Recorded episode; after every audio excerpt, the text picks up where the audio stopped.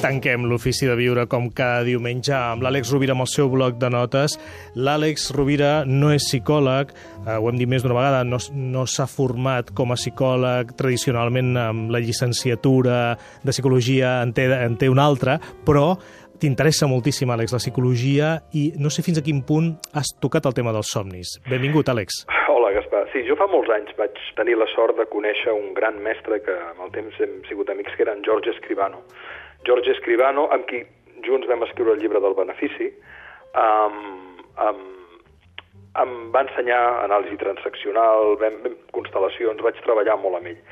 I sobre el que s'ha parlat avui, en George suggeria un exercici des de la seva pràctica psicoanalítica que deia que era el que li donava, li donava més joc a l'hora d'interpretar els somnis, cosa que sovint convidava en els seus analitzats o pacients que fessin.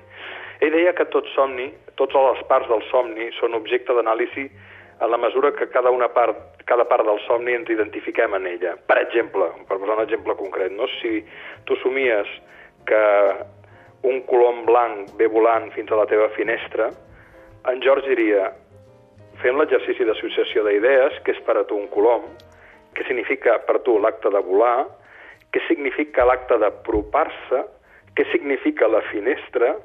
I què significa l'acte d'entrar per la finestra. I d'aquests cinc elements, on el, el, el somni tan senzill pot ser desgranat, et donen molt joc per analitzar des de la part que és el subjecte del somni fins al verb que hi ha dintre del somni, és a dir, l'acció, fins als elements, els adjectius, si el color és blanc o no és blanc. I jo recordo que les dinàmiques que feien en aquell moment eren molt, molt, molt, molt productives.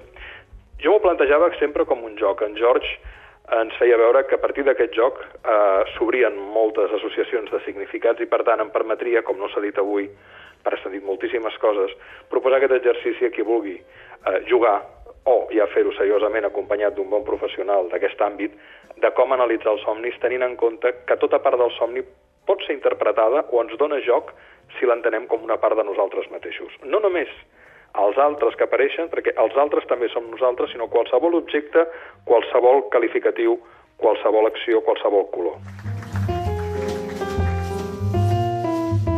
Un apunt molt interessant. Àlex, en prenem eh, bona nota. Moltes gràcies. Que tinguis molt bona setmana. Fins Moltes diumenge. gràcies, Gaspar. Una abraçada. Els oients també. Una abraçada.